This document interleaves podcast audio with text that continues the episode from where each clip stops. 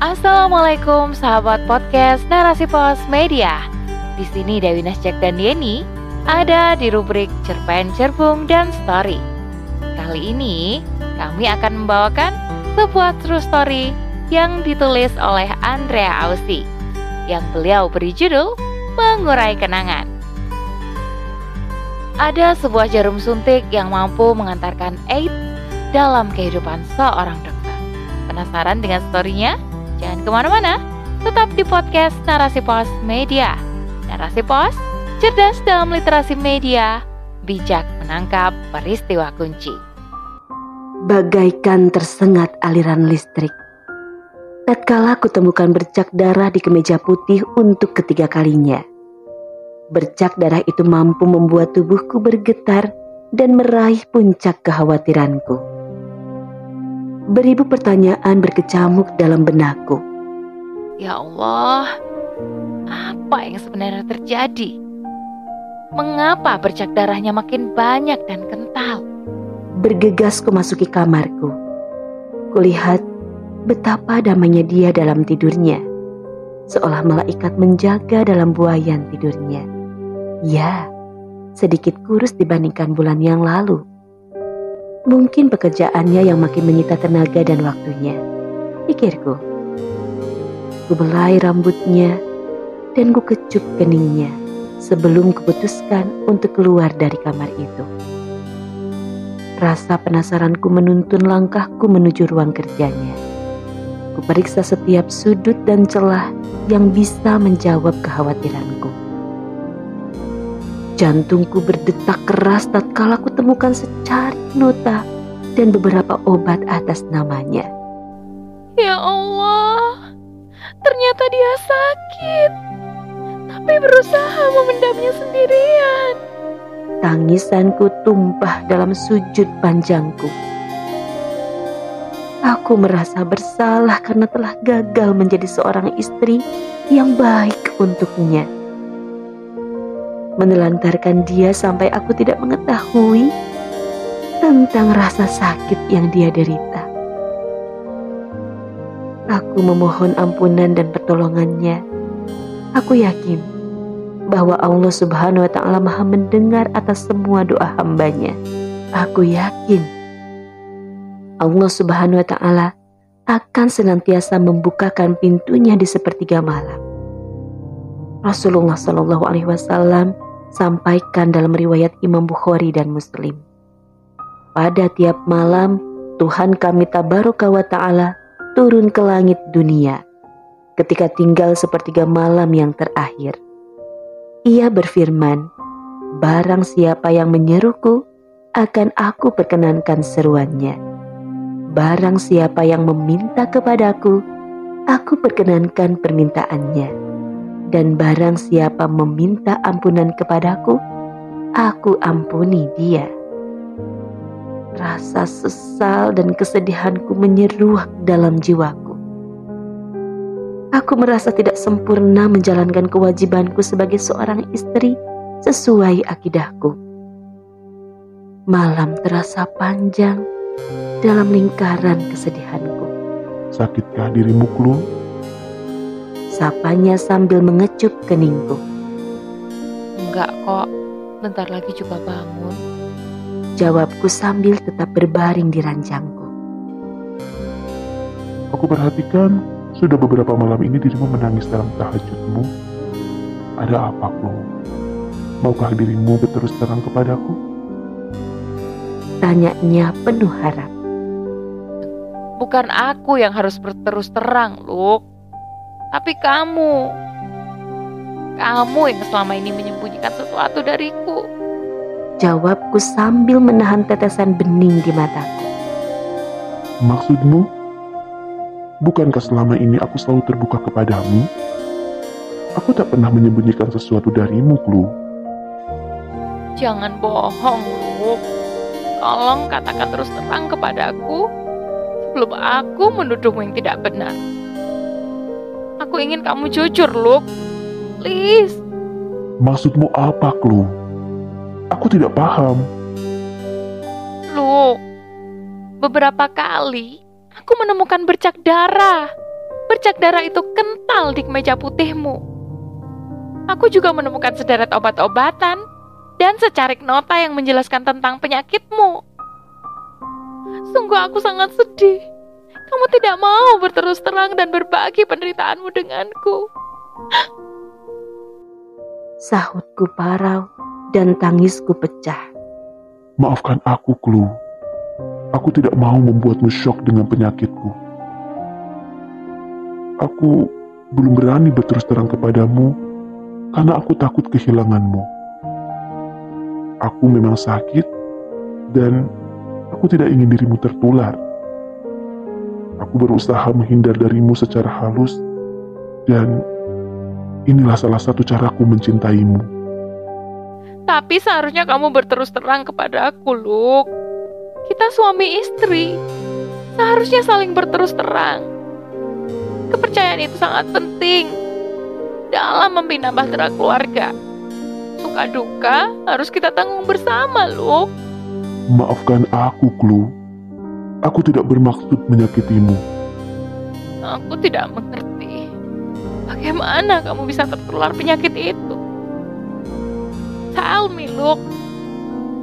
Apakah kamu sudah tidak mencintaiku sehingga kamu berpetualang dengan wanita lain di luar sana?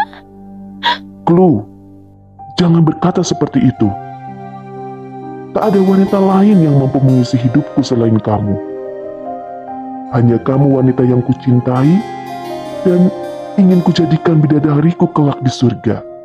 Aku tidak pernah menyentuh wanita lain. Lalu, bagaimana kamu bisa terjangkiti penyakit itu, Luke? Sejak kapan kamu sakit? Dua bulan yang lalu, ada pasien bayi yang tertular penyakit AIDS dari orang tuanya. Kebetulan dokter UGD yang bertugas saat itu adalah aku. Tanpa sengaja ada jarum bekas suntikan menyentuh tanganku. Perlu diketahui, penularan AIDS tidak hanya melalui hubungan suami istri, tapi melalui alat jarum suntik pun bisa. What? Bagaimana bisa? Bukankah kamu senantiasa memakai sarung tangan?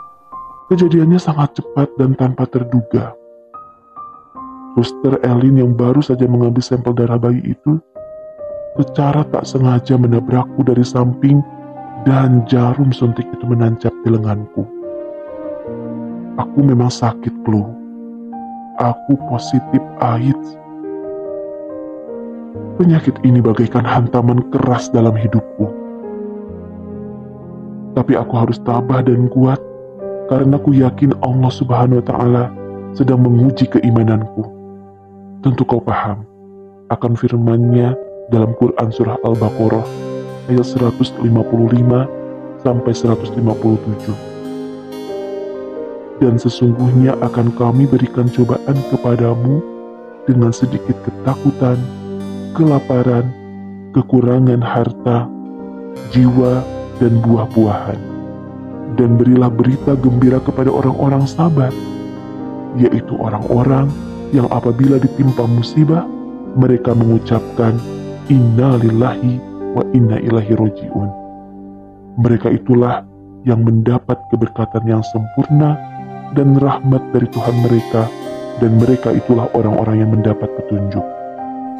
Harusnya kamu berterus terang kepada aku, Lu. Aku istrimu. Kita akan berjuang bersama-sama menangani penyakitmu dalam suka dan duka hingga Allah taala memanggil kita. Kita harus yakin bahwa Allah Subhanahu wa taala Maha Penyembuh. Dia yang bisa berkehendak atas hidup kita. Masihkah ingat akan doa Nabi Ibrahim alaihi salam dalam Al-Qur'an surah Asy-Syura ayat 80? Dan apabila aku sakit, dialah yang menyembuhkan aku. Begitu juga tafsir Ibnu Katsir jika aku ditimpa suatu penyakit, maka tidak ada satupun yang mampu menyembuhkanku selain Allah Ta'ala dengan sebab-sebab yang ditetapkannya membawa kesembuhan bagiku. Rasulullah juga bersabda yang diriwayatkan Imam Bukhari dan Imam Muslim, Ya Allah, Ya Rob pencipta dan pelindung semua manusia, hilangkanlah penyakit ini dan sembuhkanlah. Engkau adalah Ashifa, yakni Maha Penyembuh. Tidak ada yang dapat menyembuhkan penyakit kecuali Engkau. Kesembuhan yang tidak meninggalkan penyakit lain. Terima kasih, Klu. Bahagia memiliki istri sepertimu. Luke, aku ingin menjadi istrimu di dunia akhirat. Menjadi bidadarimu di surga kelak. Izinkan aku merawatmu, menjagamu, melimpahkan segenap kasih sayangku sebagai istrimu. Kita akan berlaku seperti tidak terjadi apa-apa di antara kita. Tidak ada penyakit yang mampu memisahkan kita ucapku seraya memeluknya. Rintik hujan senantiasa menyembunyikan tetesan air mataku. Tatkala gemuruh petir menyambar, jiwaku terasa mati. Masih bisakah dirimu mendengar suaraku? Masih bisakah ku sentuh kulitmu? Masih bisakah kurasakan dekapan cinta kasihmu? Tatkala detik makin berpacu, waktu pun makin mendekat. Hanya tangisan untuk menjawab panggilan. Tubuhku bergetar, kepalaku berdenyut, Embusan angin bagaikan siluet menyapa mataku, wajahku. Ku tengok sekeliling, sepi, diam membisu. Tak seorang pun peduli betapa dalam kehilanganmu. Memandang lautan, mengurai kenangan, bagaikan tusukan kepedihan menyayat dalam siluet yang menjauh. Ombak menyapa dalam damai mengajak kita untuk menyentuhnya. Kucoba memelukmu, dan tetesan air mata jatuh tatkala dirimu lari mengejar ombak. Tawamu dan kebahagiaan terpancar dengan jelas, seolah lautan adalah duniamu. Lambaian tanganmu mengajakku untuk mengejarmu. Namun, Kakiku terasa kaku dan tubuhku membeku. Aku tak bisa lari kepadamu, namun ku harus lari. Engkau menunggu dan memanggilku. Ayo, renangku. Perlahan namun pasti, ku ayunkan langkahku menujumu. Kurasakan kehangatan air laut menyentuh tubuhku. Engkau berenang mengelilingiku tawa dan kemesraan mewarnai kita, dan hatiku tersentak. Wajahmu makin pucat membiru, dan tiba-tiba engkau diam membisu. Kupeluk engkau dengan kuat, dan tangisku pecah membelah lautan. Please, jangan tinggalkan aku, Luke.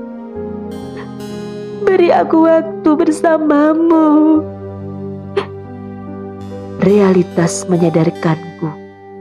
Inilah pertemuan terakhir kita.